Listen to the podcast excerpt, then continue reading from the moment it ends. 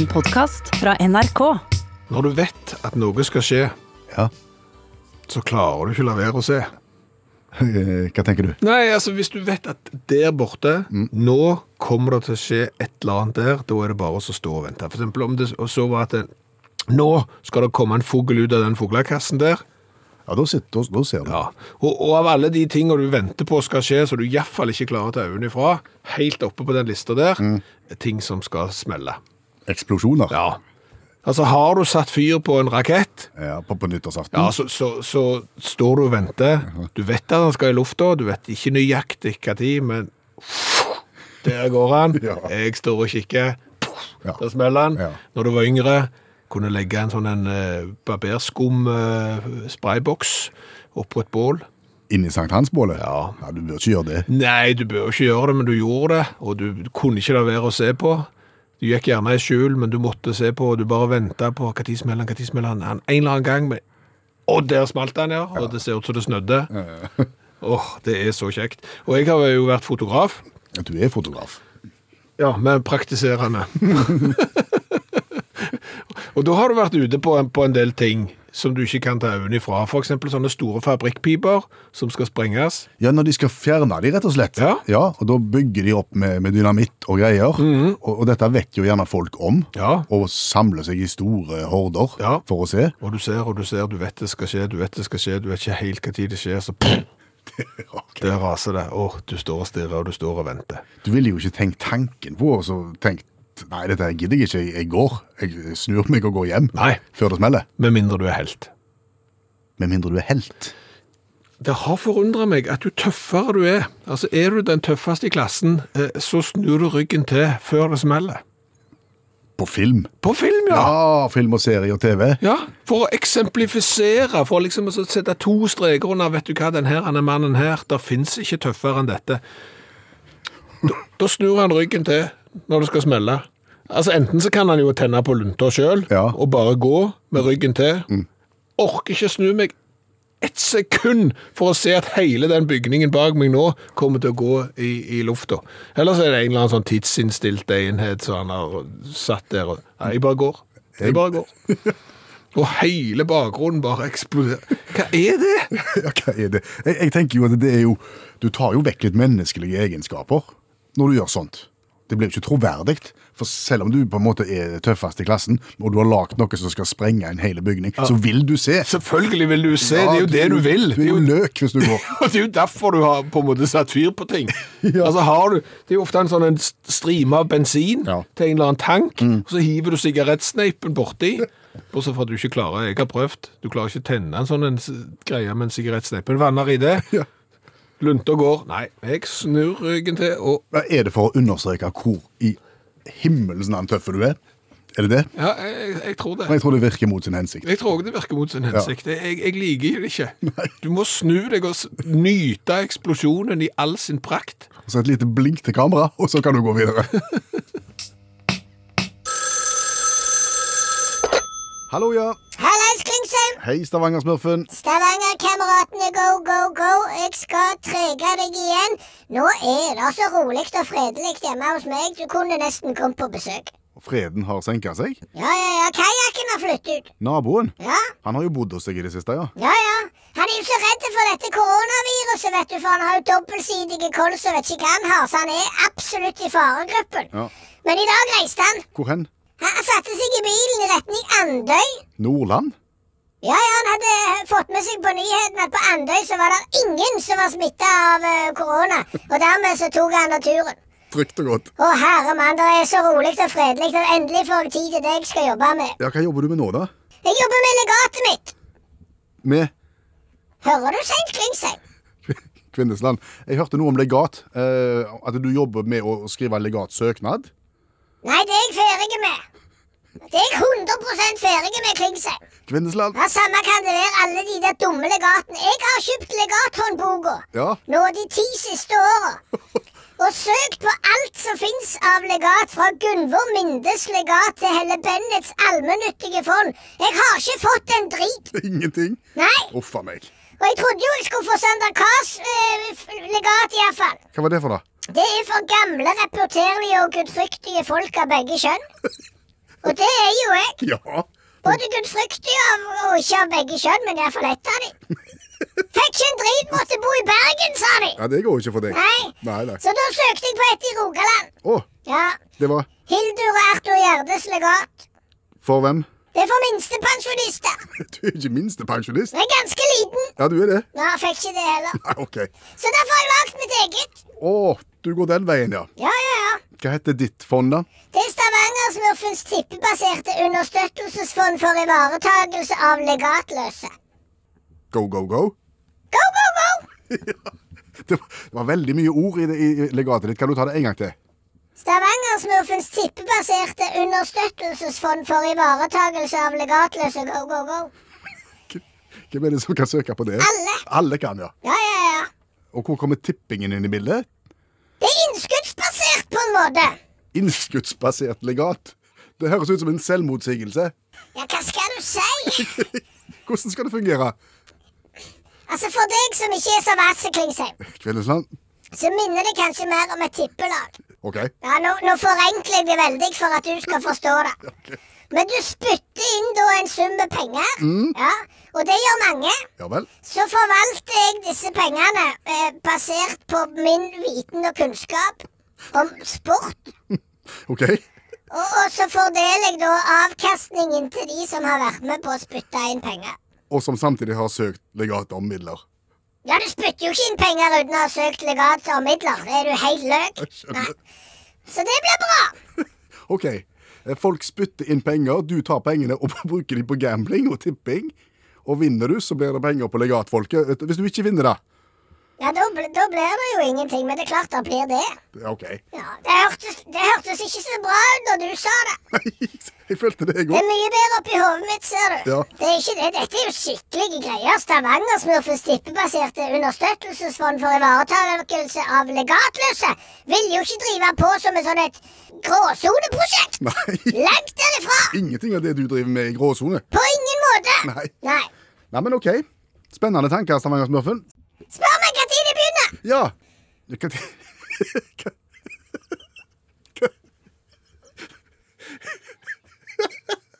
Eh, Stavanger-smurfen. Ja. Når tenkte du å begynne med dette legatet? Veldig glad det spørsmålet kom, Klingsheim. Kvinnesland? Samme kan det være. Det begynner øyeblikk. Oh, ja. Ja, fordi at Nå skal TV 2 begynne å sende sånne fotballkamper fra Færøyene. Så nå skal du gamble på kværisk fotball? Kommer til å sette opp en trippel der, ja. Ja blir Med, Klaksvik, eh, Torshavn og så eventuelt må finne en tredje der. Og Da blir det penger, og så går det rett tilbake til de legatløse og meg. Og litt til deg òg, ja. Ja, ja, dette er jo mitt legat. Ja, ikke sant? Ja, ja. Kanskje gjøre det gratis. Nei, på ingen måte. Nei. Skal du spytte inn hundrings? Friste litt. OK, Ja. snakkes! Ha det. Det er jo sånn at når noe er utrydningstrua, Ja. eh, så må gjerne storsamfunnet hive seg rundt og gjøre noe med det for å bevare det. Er det noe som er utrykningstrua og bevaringsverdig nå, tenker du? Ja, skywriterne. Du snakker om skywriterne. Ja, jeg beklager at jeg sier det på engelsk. Jeg tror ikke det er et norsk ord for det. Så, så skywriterne er trua. Hvem er, hva er en skywriter? Altså, det er jo en som skriver på himmelen. Med Fly.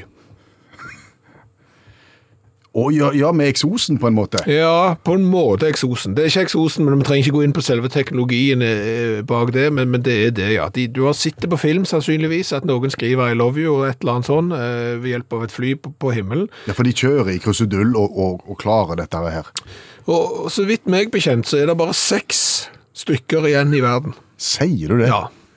Når oppsto skywritingen, da? Nei, altså dette, dette er jo en The Noble Art of, of Skywriting, og strekker seg jo tilbake igjen til 1922. Eh, mai 1922, da var det en eh, major i den britiske eh, Royal Air Force som, som var ute og skrev Daily Mail på himmelen første gang. Og, og da brakte det løs, og, og siden etter det så ble det jo Ja, altså hvis du hadde en bedrift, så måtte du ha litt skywriting. Det var Ble brukt som reklame, da, rett og slett? ja, ja. Ja, okay. Altså Samme året, 1922, mm. så s- s- over Times Square I New York så skrev de telefonnummeret til, til en hotellkjede. Og de fikk 40 000 telefoner på tre timer. Da skal det være stille i lufta, tenker jeg, hvis dette telefonnummeret skal få henge som røyk på himmelen. Ja, det, det er jo nettopp det som er, er greia. Det er, jo, det er jo en komplisert kunstform, dette her. Ja. Altså For det første skal du skrive bokstaver eller tall som er 1500 meter høye. Ja. Og så må du jo være litt heldig med været. Ja. Det må ikke blåse for mye. Nei. Og så i tillegg må du skrive det speilvendt. Må du det òg, ja? Ja, ja. Fordi du skal jo lese det på bakken. Så det, så det må bli speilvendt. Så, så du må jo være programmert på en litt rar måte. Eh, Og, og dermed så er det bare seks stykker i verden, som sagt, som behersker eh, denne kunstformen. Se, Og- da, da tenker jeg det er litt trist at det er i ferd med å forsvinne, Ja, ja. for dette var stort. ja. Altså, i 1940, da var det 2000. Skywriterer. Ja, det var 2000 sånne reklamegreier i løpet av bare 1940. Altså, alle Pepsi og alle store måtte ha et eller annet på himmelen. Så er det klart at det, det var jo en vekstnæring. Ja, ja. Og gjerne satt du der og hadde småflysertifikat og tenkte, hva skal jeg bli når jeg blir stor? Jeg skal bli skywriter, vel? Ja. Og så faller lufta helt ut av ballongen. Uff, Og nå er det bare seks igjen. Ja.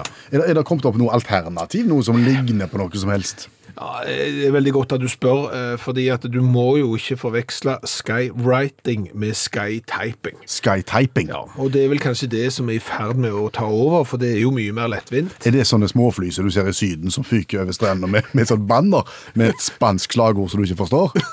Eller invitasjon til et eller annet kasino. Ja. Nei, det er ikke skytyping. Altså, skytyping det er formasjonsflyging. Ja. Så da har du gjerne en fire-fem fly som flyr i tette, tette formasjon. Mm.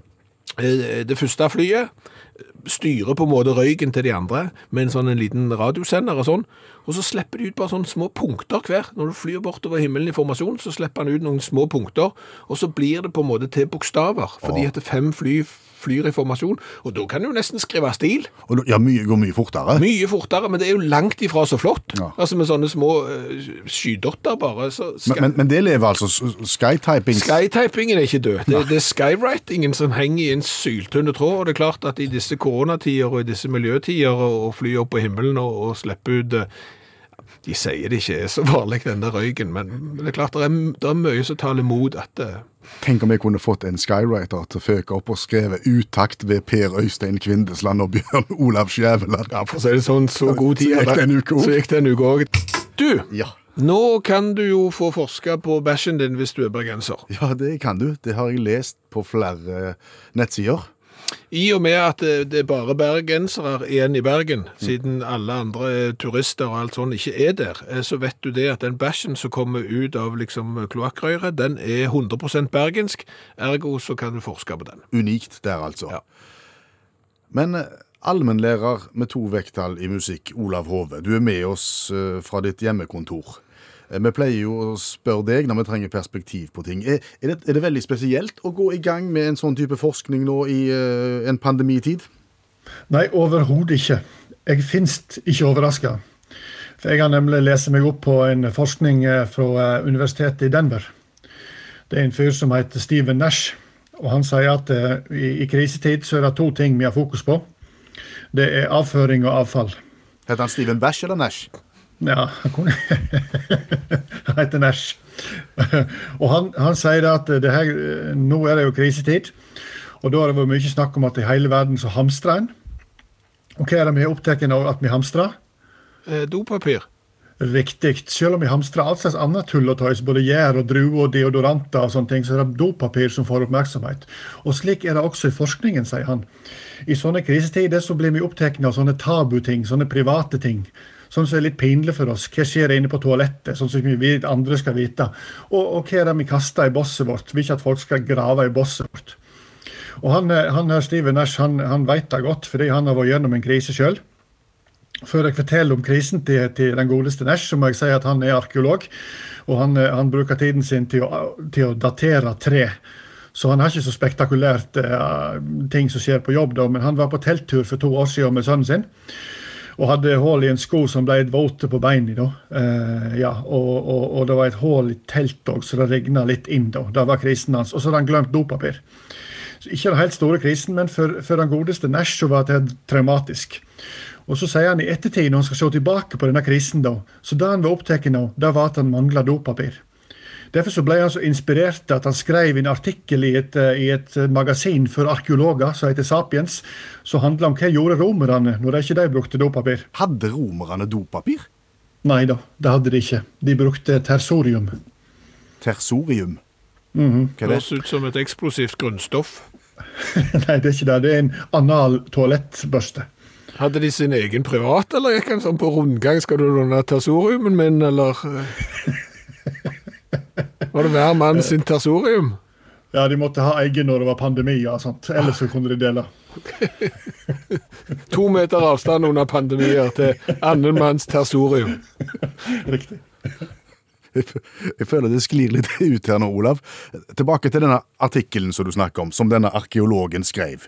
Den ble lest? Det fikk mer lesere denne artikkelen enn alle andre artikler gjennom eh, magasinet sin tiårige historie. Og Da sier han da at, eh, at eh, dette er helt typisk for mennesker. Vi er opptatt av slike ting, og spesielt i krisetider. Og Så trekker han fram en annen krise, nemlig, nemlig oljekrisen i 73. Da kom nemlig begrepet bossologi opp. Har det noe med boss å gjøre? Ja, det er studiet av boss. Betyr det at det finnes bossologer, det? Ja, det er litt ullent, det greiene der. skjønner du. For Han som fant på, han heter AG Webermann, og han ble fakka av politiet når han rota rundt i båset til Bob Dylan. Han sa han lette, i båsen hans for for å finne nøkkelen til tekstuniverset her til, til Bob Dylan, og kalte seg dermed bossolog.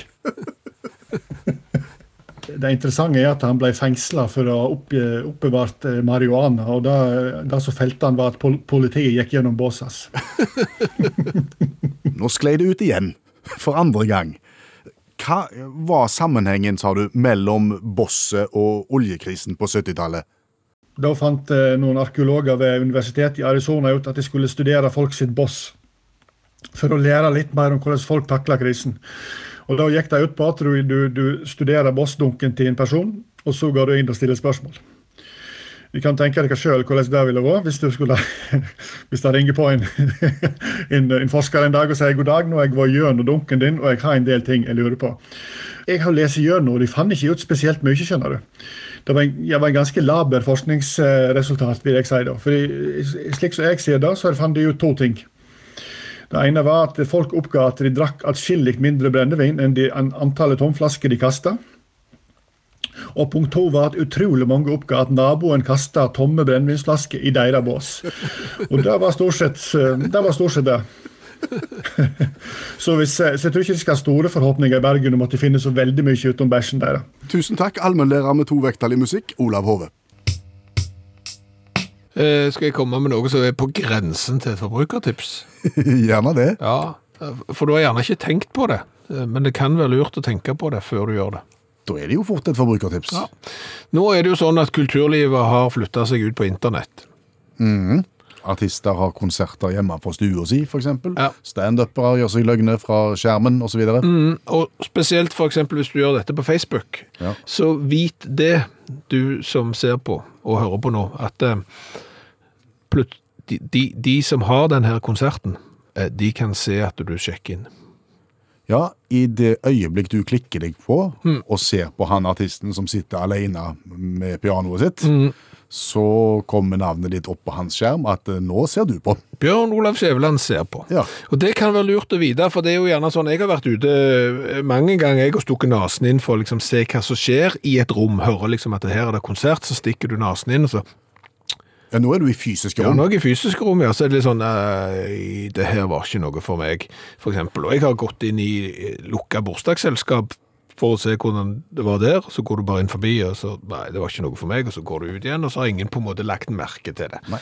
Og, og med alle de konsertene som kommer i liksom i det som heter feeden da på Facebook, så den og den og den, ja vel, ok, greit, det var interessant. Men så sjekker jeg hva det er for noe da, så er det på en måte å stikke nasen sin inn. Ja. Men bing, der er du sett. Ja. Og så da er det jo gjerne sånn at vedkommende som har konserten, Ja. syns jo det at det var stas at Skjæveland stikk inn, Ja. stakk innom. Ja. Og så skriver han jo Se det, nå ser Skjæveland på. Det var kjekt. Jeg skriver ikke det engang, du sier det liksom, for det er jo live. Ja, det er sant? Det, for det er jo akkurat som når vi har eh, T-skjortetombola Ja. eh, før sending klokka ni, så kan vi se hvem som tipper, så kan vi kommentere at det er Kari har tippet 21 og sånn, og vips, så sitter det noen der og så spiller gitar, og så sier de ja, det velkommen til Bjørn Olav. Ja. Og problemet er jo, det oppstår jo i det øyeblikk dette her ikke egentlig var noe for deg. Du stakk egentlig bare nasen inn for å sjekke hva det var av litt sånn nysgjerrighet. Du hadde ikke tenkt å bli der, men du kan jo ikke gå med en gang de har sagt velkommen. Nei. Da, da fanger på en måte bordet. Du kan risikere å få oppfølgingsspørsmål etter fire-fem minutter. Hva Ja. syns du om den? Ja. Og da kan du ikke være godt. Nei, du kan jo ikke det. Og, og, og det, det, det er bare noe du må tenke på, at eh, når, når du sjekker inn på en sånn konsert, så, så ser de det. Så, så hvis du har lyst til å se, så, så blir det en stund, for det ser så utrolig dumt ut hvis du stikker av med en gang de har sagt velkommen. Ja, og hvis du er usikker på om det er noe for deg, så går det jo an å la være òg. Ja, det gjør det. Det går altså. Ja, det går. Et forbrukertips i samme gate. Skal vi ta med det også? Mm, det kommer fra Egil. Ja, Egil har utgangspunktet her. Som har registrert at nå om dagen hvor veldig mange har videomøter, og hvor veldig mange blir intervjua i nyhetssendinger fra på video, gjerne fra sitt eget hjem via datamaskinen. Hva skjer da? Det som skjer da, er at de sitter med laptopen sin foran seg Ja. på bordet. Eh, Dette kamera, webkameraet webkamera som eh, de snakker i, og, og som filmer, eh, det er jo da gjerne i toppen av skjermen, som er ca. 30 cm under hodet ditt. Ja. Litt lågt. Ja, Det betyr at du blir filma på skrå nedenfra, men ikke bare du. Nei. Nei. Taket bak deg, Ja. og taklistene. Jeg har sett utrolig mye tak nå på, på, på Dagsrevyen. Det er kolossalt mange norske tak jeg har sett. Mange fine, Ja, ja. for all del. Noen kunne jo jobbet litt med listverk, og jeg er ikke så veldig glad i sjøl sånne veldig profilerte lister med masse kruseduller. Det er nå min smak, men sant? du får liksom sitt Vis meg ditt tak, og jeg skal si deg hvem du er. Går det an å gjøre noe med dette her? Enkelt? Ja, selvfølgelig går det an å gjøre noe med det. Det er jo bare å løfte hele innretningen. Altså Finn fram en tomme bruskasse eller et eller annet og sett PC-en på den, og, og ha hodet i samme høyde. Jeg vil jo òg bare, som fotograf, så vil jeg jo si at når du, da, når du er undervinkla, så ser du mye tjukkere ut enn du er. Ok. Ja, men altså, for du må jo se ned på kamera. Du får dobbelthage med en gang. Okay. Det er ikke bra. Altså egentlig, hvis du skal se tynn ut, så bør du nesten se litt opp, og så være litt i profil. Så det beste er å løfte datamaskinen litt over øyehøyde, se litt opp, og så kikke litt fra siden. Da vil du se mye tynnere ut enn du er. Eh, En langhelg er jo over, og jeg har lest to bøker i helga. Krim og krim. Ja. ja, det var det. Ja. ja, det var det. En norsk og en utenlandsk. Du har ikke lært noen ting av dette radioprogrammet her? Nei, jeg har ikke det, og jeg sitter igjen med en sånn en liten skamfølelse. Eh, Når jeg liksom legger fra meg den ene krimboka som jeg er ferdig med, og skal begynne på den andre, så kjenner jeg liksom Jeg tror det er den følelsen en hund har når han blir tatt på fersken i en eller annen matpose han ikke har lov å stikke hodet sitt inn i, og kikke opp. Litt den der samme følelsen har jeg. For du skulle lest en klassiker. Ja, jeg skulle så. Det var det du skulle ha gjort. Ja. Når vi holdt på med dette her i tre-fire år, vi har presentert en litterær klassiker hver eneste uke i dette radioprogrammet. Altså, Vi har fått hjelp av Janne Stigen Drangsholt, forfatter og litteraturviter. Hun lærer oss ei bok på fire-fem minutter, så kan vi framstå etterpå som om vi har lest den. Ja, for du, du kommer jo ikke til litteraturhimmelen hvis du bare leser krim. Så Nei. dermed så må du få inn eh, Ja, du må få litt høytestamentlig litteratur òg. Men det skulle jo være til inspirasjon, dette her, sånn at du kunne gå vekk fra krimmen. Ja, det kommer snart ei langhelg igjen. Ja, og da, håper, da har vi forventninger til deg. Her kommer en ny bok uansett.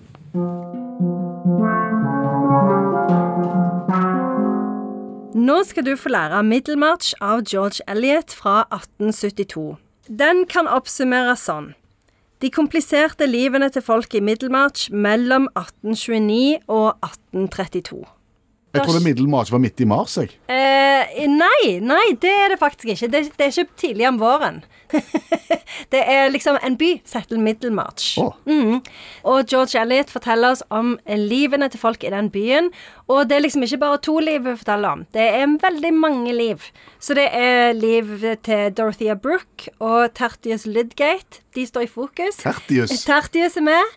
Men òg Edward Corsabon, Mary Garth, Arthur Brooke, Celia Brooks og Jens Chatham, Rosamund Vinci, Fred Vinci, Will Ladislaw, Humphrey Cadwaller osv. Så, videre, og så, så dette, det, du må holde styr på tankene. Det er mange mange folk å forholde seg til. Er det sånn at du må lese denne boka og henge opp eh, gule Post-It-lapper Ja, underveis? Ja, og lage deg sånn slektskart og sånn? Ja, det er litt sånn, faktisk. Men lever de separate uh, liv, eller veves disse livene inn i veves sammen, det veves sammen, og de, det er mye. Det som George Eliot, Eliot var opptatt av, da, det var annet å liksom eh, fortelle om alle de der sosiale restriksjonene som vi legger på hverandre når vi bor i en liten by. Altså, du Jeg vil ikke at du skal tjene for mye penger, så jeg tar og slenger inn denne her lille informasjonsbiten som jeg har fått fra de folka i nabobyen om hva du gjorde når du var yngre, og så holder vi deg i sjakk på den måten. ah, Så mye sånn, da. Mye intriger og dårlig stemning.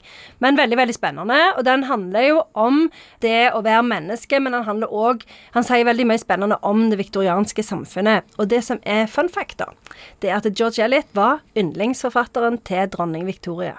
Oi. Hun syns George Elliot var kjempekul. Og det som òg er fun fact, er at George Elliot, som vi bør vite, er jo ei dame. George, L. ja, det er typisk. Hva Ja. skal barnet hete? Hun skal hete George. Altså, det, det blir nesten som når vi gir navn til kattene våre. For vi hadde jo katten Pippi, det var en hannkatt. Eh, Nå har vi hukatten Emil. Eh, George Elliot, hu. Ja. Ble dette gjort av samme grunn som vi har hørt tidligere? At eh, som kvinnelig forfatter så blir du ikke lest, derfor så må du kalle deg for en mann. Delvis. Det var òg fordi at George Elliot mente at ingen kommer til å ta meg seriøst hvis jeg skriver under mitt egentlige navn, som er Mary Ann Evans. Så derfor så skifter jeg til George Eliot, for da slipper jeg å skrive lette romanser, sånn som kvinner er forventa å gjøre. Pluss, pluss at George Eliot, hun levde i samboerskap med en gift mann.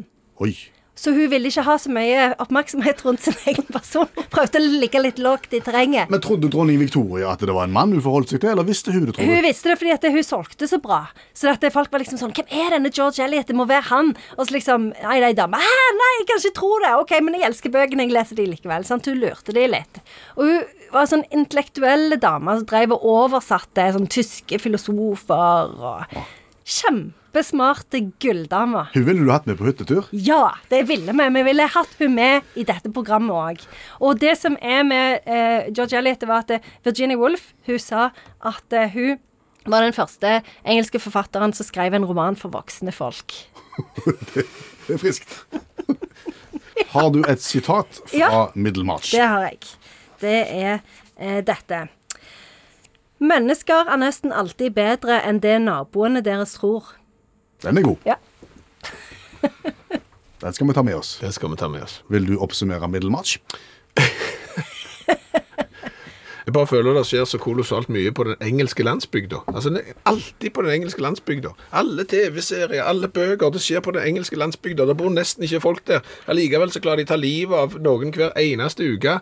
Ja, Det er helt sant. Og så er det jo på 1800-tallet, så det skjer jo så mye òg. Plutselig oppfinner de jernbanen, og folk er bare sånn What? Hva skjer? Hva er dette for noe? Så Bjørn Olav har helt rett. Det er på landet det skjer. Blir du sur hvis jeg nå begynner å skrive lettbeinte romaner og, og kaller meg gjerne Stigen Drangsholt når jeg gir de, gir de ut? Det er litt sur. Tusen takk, Jan Stigen Drangsholt.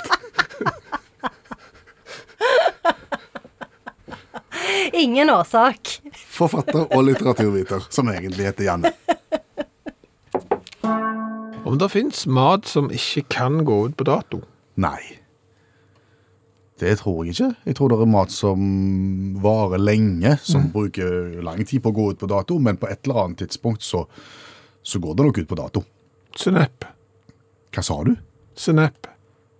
Sennep? Ja, Sennep? sennep. Sennep? Hvor har du den fra?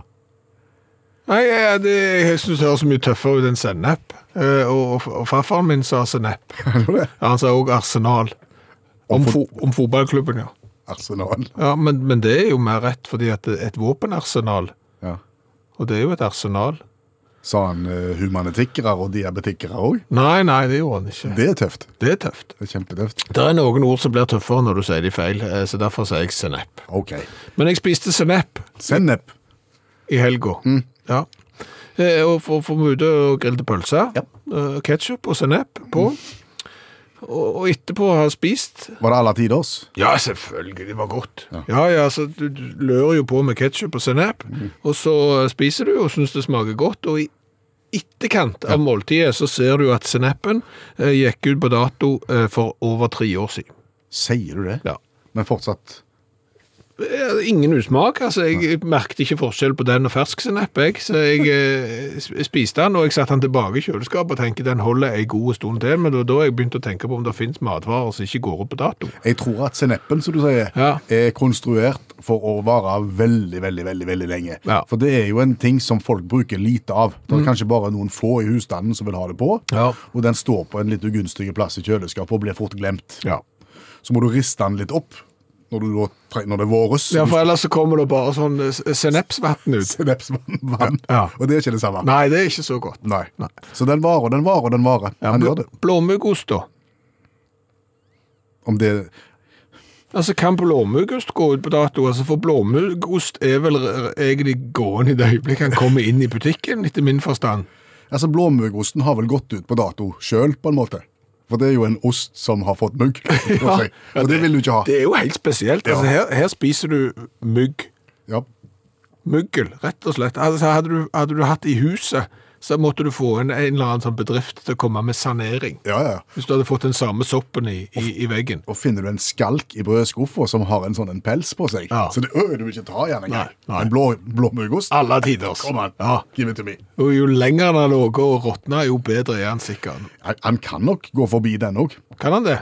Jeg vil tro det. Ja, men du, du vet ikke? Nei. Du har ikke prøvd? Nei, ikke det, nei. Altså, jeg vet jo at når de lager sånn blåmuggost, altså, du må jo passe på å snu og vende på den fra tid til annen, fordi at det er et eller annet med disse hålene der den her eh, muggsoppen skal få lov til. Det, det er også helt... Ja. Det skal få lov til å kose seg. Ja.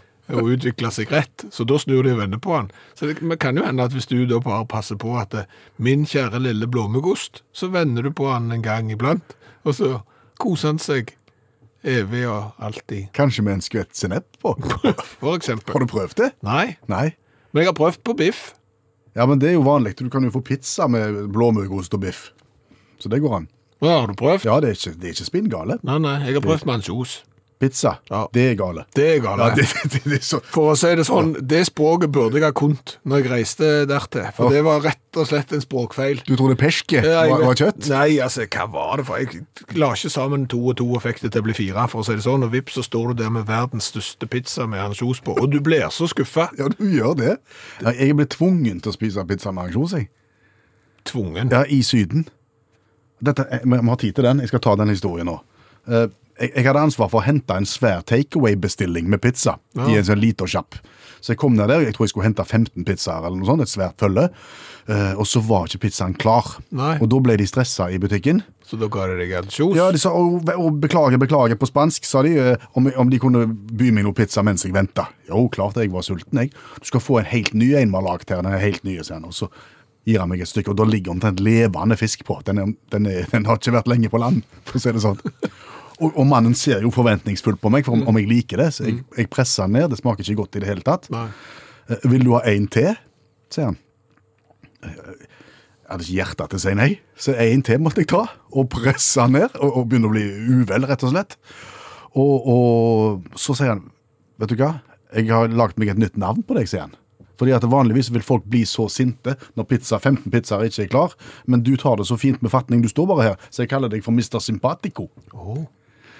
Mr. Sympatico, vil du ha et pizzastykke til?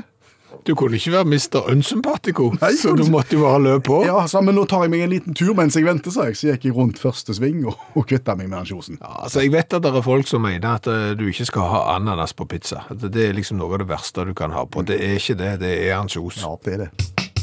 Radioprogrammet som du hører på nå heter Utakt, og det har eh, eksistert i snart elleve år her i NRK P1. Og vi har gjort mye forskjellig opp gjennom årene. Ja, Ja. Vi har det. Noe er vi stolte av, noe er vi ikke fullt så stolte av. Ja, men eh, dette er vi litt stolte av, fordi at eh, seksualundervisning mm. det har jo versert eh, siden vi gikk på ungdomsskolen, Ja. i ulike former. Vi syntes det var flaut på ungdomsskolen, læreren syntes det var enda flauere. Så er det jo andre medier som har tatt over seksualundervisningen, eksempel radioprogrammet, eller radiokanalen P3. Vi lagde en spalte for en del år siden som vi kalte for Sex rundt grøten, som en slags alternativ til, til nettopp dette her. Og nå har vi blitt oppfordra fra mange forskjellige om, om det var mulig å få høre noe av det vi gjorde den gang i opptak. Og dette er såpass viktig at det gjør vi.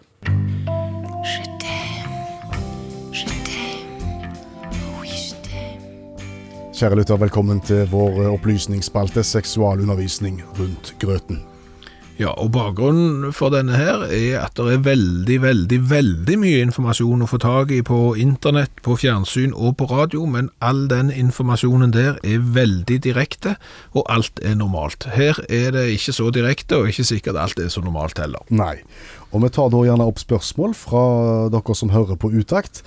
Det vil si, så langt så har det vært fra vår venn Spanske Trond. Han har da stilt de fleste spørsmålene. Han har spilt, for så vidt stilt alle spørsmålene. og har stilt nok et spørsmål som vi skal se nærmere på. Og han var veldig direkte, for å si det rett ut, i, i måten han stilte spørsmålet. Okay. Jeg har måttet skrive det om. Ja, Uh, og, og det spanske Trond og madammen lurer på om Altså, han og madammen vurderer å pusse opp. Spanske Trond vil eh, ja, pusse opp. Han, sp- okay. ja. ja. nå er jeg rundt grøten. Spanske Trond ønsker å utvide pipa. Skorsteinen, for å få litt mer fyr på sakene. Okay. Madammen vurderer å forstørre eller rette litt opp på balkongen, uh, som har blitt litt sigen i, i årenes løp. ok, greit. Eh, er dette er å anbefale, spør spanske Trond. Altså for det første, hvis vi er inne på oppussing. Oppussing er dyrt. Ja. Det blir, det blir stort sett alltid dyrere enn det du tenker deg. Du kan lage overslag og alt, og det blir alltid dyrere enn du har tenkt, og spesielt fordi at eh, fagfolk ikke kan gi en eksakte pris. Nei. For de vet ofte ikke hva de finner når de begynner å åpne opp. Nei, altså kanskje så er det dårlige trekk i pipa, Ja. og, og så blir eh, Så er ikke drensen sånn som han bør være. Nei, og så, så drypper det gjerne litt, og så holder det ikke tett, og, dermed så blir gjerne selve oppussingsarbeidet mye, mye dyrere enn du hadde tenkt. Så, så hvis du går og tenker økonomi, nei. Nei. Og en annen grunn til at det fort blir dyrt, det er jo det at det, de andre rommene ser jo fort litt sjabre og, og ugunstige ut sammenlignet med det som er pustet opp, og da må du på en måte gå i gang med hele fasaden plutselig for at det skal stå i stil dette her. Ja, det er klart hvis du bare har blåst opp balkongen for å få litt fres på den Utsikten. for eksempel, og for å få utsikten, ja, så, så, så det er klart at det, da blir jo det gjerne stående litt fram, og så, så må du gjerne ta bad òg. Ja, ja. Vil du anbefale utenlandsk arbeidskraft her? Altså, veldig mye oppussing nå eh, foregår jo med, med utenlandsk arbeidskraft, og, og det er klart at det, Det kan bli billigere, men det kan fort bli verre, tenker jeg. det, det, det kan det, og Én en ting er å ha en polakk på badet, men det er klart at vil du ha en danske i, i pipa, det er ikke Nei, så har du kommunikasjonsproblemer, språkproblemer, svart arbeid. Jeg tenker nei. Nei, det, nei. Men, men noe som, som er er veldig viktig her, hvis Ja. du tenker på å, å endre på noe, Ja. eh, oppussing og sånn, det er jo det at det, akkurat den der overgangen mellom nytt og gammelt, Den er litt Ja, den, den er, der er det vanskelig å få det fint. Ja. For ofte så, det, sprikker, de sprikker gjerne der. Jo, men så virker det ikke naturlig heller. Sant? For, for noe er liksom Oi, det var ungt og friskt og, og sånn uttrykk. Ja. Mens det andre er gjerne litt eh, gammelt og, og sege. Og skal du gå i gang, så for all del iallfall spør en arkitekt. Ja. For dette, dette påbygget som du eventuelt vurderer, det må jo da passe mest mulig naturlig inn Mm. med det eksisterende. altså Er det for stort, for moderne og for prangende, så, så, så vil den balkongen bare se rar ut. Ja, og det dere skal vite, spanske Trond og madammen, husk at oppussing det er noe som tærer på forholdet. Dette tar tid, det er mye som skal ordnes, det skal sparkles og pusses, og så skal det vedlikeholdes. Det tærer. Ja, jeg tror rett og slett at uh, vi har et godt råd her. Fortell. Altså, enten så kjøper du noe helt nytt, eller så sitter du på gjerdet og venter til det du har er blitt så gammelt at det blir vernet av Riksantikvaren. For det er klart at det der er alltid et skjæringspunkt. Når noe blir antikvitet, så blir det igjen populært. Så her må du bare velge nytt eller skikkelig gammelt. Colaflaska som eh, vi sitter og ser på i studio akkurat nå, den har vi faktisk to av. Hei. Hei! Den har vi fått. En fra Mattis i Båtsfjord, og en fra Karianne i Sandnes. Og siden du sa hei, Hei! så indikerer det at den kommer ifra Eh, Japan. Det er cola fra Japan. Det er en Pepsi eh, Japan Special vi har fått. Det høres ut som et sånt tullenavn. Ja. Pepsi Japan spesial. Higher! faktisk. Men eh, den fins i Japan, og antageligvis bare der, i og med at den heter Japan Spesial, og er da en av eh, nærmere eh, 300 colavarianter vi skal smake på. Det står jo veldig mange bokstaver her som vi ikke behersker. Jeg ser det står rare bokstaver null, rare bokstaver null, rare bokstaver null. Altså, du har jo satt deg inn i dette. Hva Ja, altså Det indikerer jo eh, at uh, det er lite av ting som skal være usunt. Jeg tror det er det de prøver å promotere på flaska. Og den blir også da markedsført som såkalt sunn Pepsi. I den grad det går an. på hvilken måte da? Eh, fordi at den inneholder et stoff som heter dextrin. Som skal ha eh, litt sånn helsefremmende effekter, ifølge noen. Ifølge andre er det bare vås, okay. så, så her, er- her er det delt. Hva er det dekstrine gjør for noe? Ja, det kan uh, dempe eh, absorbering av fett fra produktet. Det høres ut som noe for meg. Ja, det tenkte jeg også. Ja. Og så hindrer det høyt blodtrykk og høyt kolesterol. Ja, det har jeg ikke. Nei. Og, og vet du hva, altså, den flaska her, den har i Japan såkalt Fushu-merking. Fushu? Fushu-merkinga det er ikke japansk, det er en forkortelse for Food for Specified Health Uses. Altså mat, skråstrek drikke med helsebringende effekt. Det ja, nesten som sånn eh, nøkkelhull. Ja. Men som sagt, dette er omstridt. Det er jo ikke alle som er enig i det, og det er bare i Japan han selges med den merkelappen der. Utrolig dumt hvis du hadde hatt Japan spesial i Kina, for Ja, ja, ja. ikke det samme i det hele tatt. Så spørs det om det den dextrinet som de har putta oppi Pepsien, eh, gjør noe med smaken. For vi, vi kjenner jo den originale Pepsi-smaken. Ja, det gjør vi. Eh, Denne flaska her, halvliter, med et svært magebelte av plast, mm -hmm. kan du si, som skal se ut som et glass som er fullt av Pepsi. Og så står det Japan spesial. Mm. Spent. Veldig. Eh, Vi har jo forsøkt tidligere Jeg lurer på om ikke det kom fra Japan. Det er jo eh, en, en cola Og som Ølprodusenten Kirin har vi smakt, som hadde òg en sånn en, slanke-cola. Den var ikke god. Den eh, mener jeg å huske smakte ikke mer enn den måtte. Som regel så er det sånn hvis colaen utgir seg for å være noe annet enn cola, så er det ikke godt. Men nå skal vi skru av fordommene.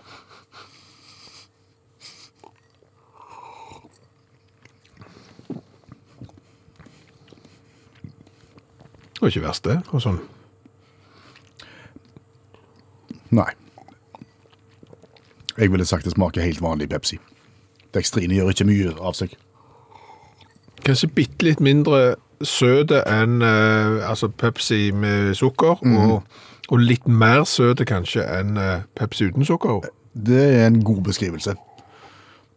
Litt bitrere på et vis. Altså Hadde jeg blitt tynnere, så skulle jeg drukket rikeslikt, for det sånn. Jeg hadde ikke å få... Ja, men se, se vekk ifra det også, rent smaksmessig. Nå må du nullstille her. Hva Ja, må du gi? nei, eh, Én til ti? En sekser i smak. vil jeg- sekser. Ja, jeg er enig. Sekser i smak. Så var det design da, og, og uttrykk.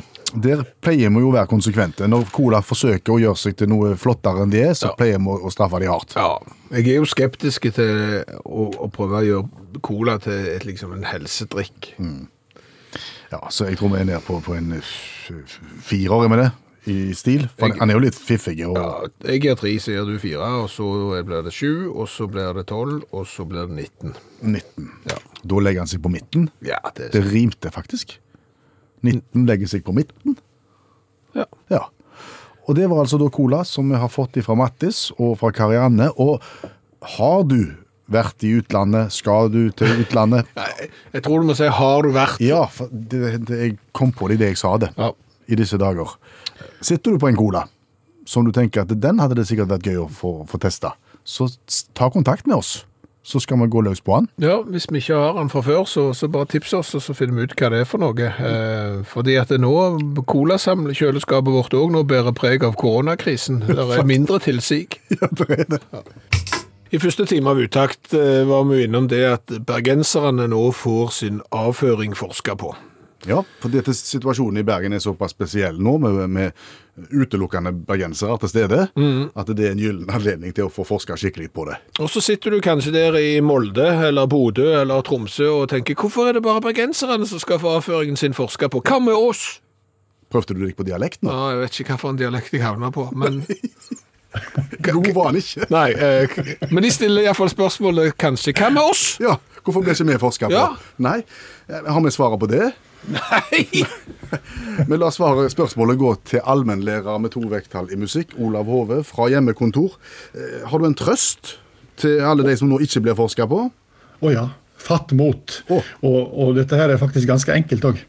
Du kan få gi bæsjen din den oppmerksomheten den fortjener, på en ganske enkel måte. Eh, For det finnes nemlig et forskningsprosjekt ved MIT. Massachusetts Institute of Technology. Det er et forskningsprosjekt som handler om kunstig intelligens og avføring. Høres ikke ut som to ting som er forenlige på noen måte, men Hvis du har kjøpt deg en robot og han i tillegg gjør på seg, så, så er det ting som tyder på at du har gjort et dårlig kjøp. Nei, men Poenget var at de, de, vil, de ønsker å lage maskiner som liksom kan lese avføringen til folk. da, Hvis du skjønner. Og, og, og da må du mate disse maskinene med, med bilder. da. Og da gjorde de i begynnelsen med å bruke plastelina. Professor David Hatchwell og folkene hans de bygde ulike typer avføring i plastelina og tok bilder. Jeg vet ikke om de kjenner til hvor mange typer avføring det finnes, men det er sju hovedgrupper, da, ifølge Bristol-skjemaet. Men jeg skal ikke gå inn på det. Men, men, men Ta, ta noen av hovedgruppene, da. Nei. Poenget mitt er at sju hovedgrupper, men et vell av undergrupper. Så det, det ble for mye plasterinabygging. De, de, det skar seg helt. De ble tørre i hendene. og nei, det, De, de oppdaga at dette her blir vi aldri ferdige med.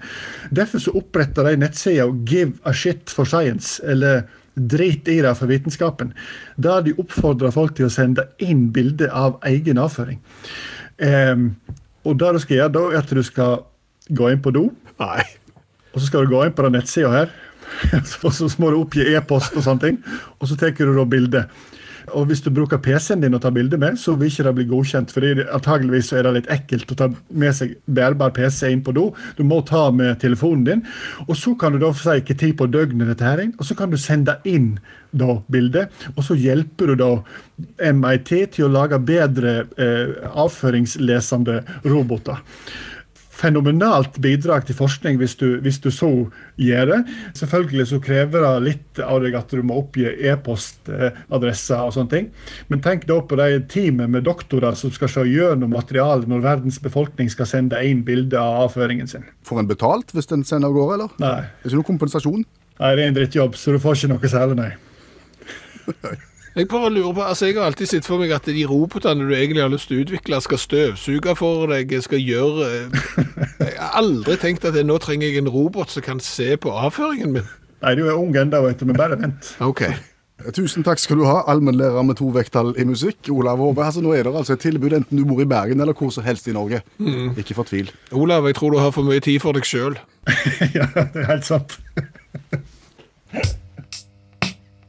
I dag òg har regjeringa hatt pressekonferanse. Mm. Var det noe nytt i dag? Ja, det er alltid noe nytt. I dag har jo bl.a. Bent Høie sagt at nå åpner de igjen for unødvendige fritidsreiser. Ja, da noterer vi det. Ja. Åpning for unødvendige fritidsreiser. Jeg tror bare du kan skrive egentlig bare fritidsreiser, for det finnes ikke nødvendige fritidsreiser.